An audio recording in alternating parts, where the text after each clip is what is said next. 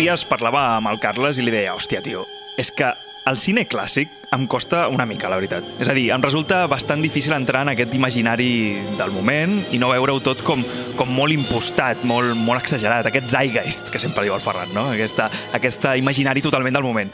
Queda tot molt lluny, no? O sigui, els temes que tracten, la seva realitat de, de cada moment, però, però pensant en com fer aquesta editorial, he vist com m'equivocava, o sigui, totalment equivocat, perquè no estem tan allunyats d'aquella època, d'aquell cinema si abans hi havia el Codi Hayes que marcava què podia i què no podia sortir una pel·lícula, doncs mireu ara Netflix sent obligat a posar el «Ei, que això és ficció, nois!» a The Crown, no?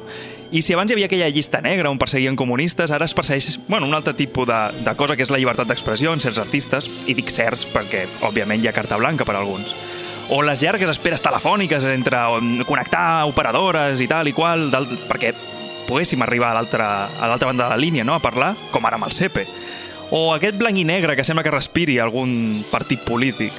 O aquella mítica frase de les pel·lícules de detectius, no? que era allò de només entrar ja sabia que aquella dona em portaria problemes.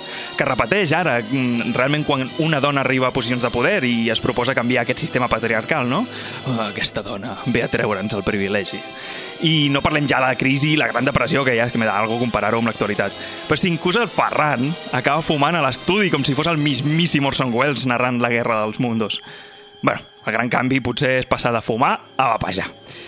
Que paradoxal i que irònic, no, nois? Que el cinema aquest clàssic dels 30-40 estigui tan de rabiosa actualitat.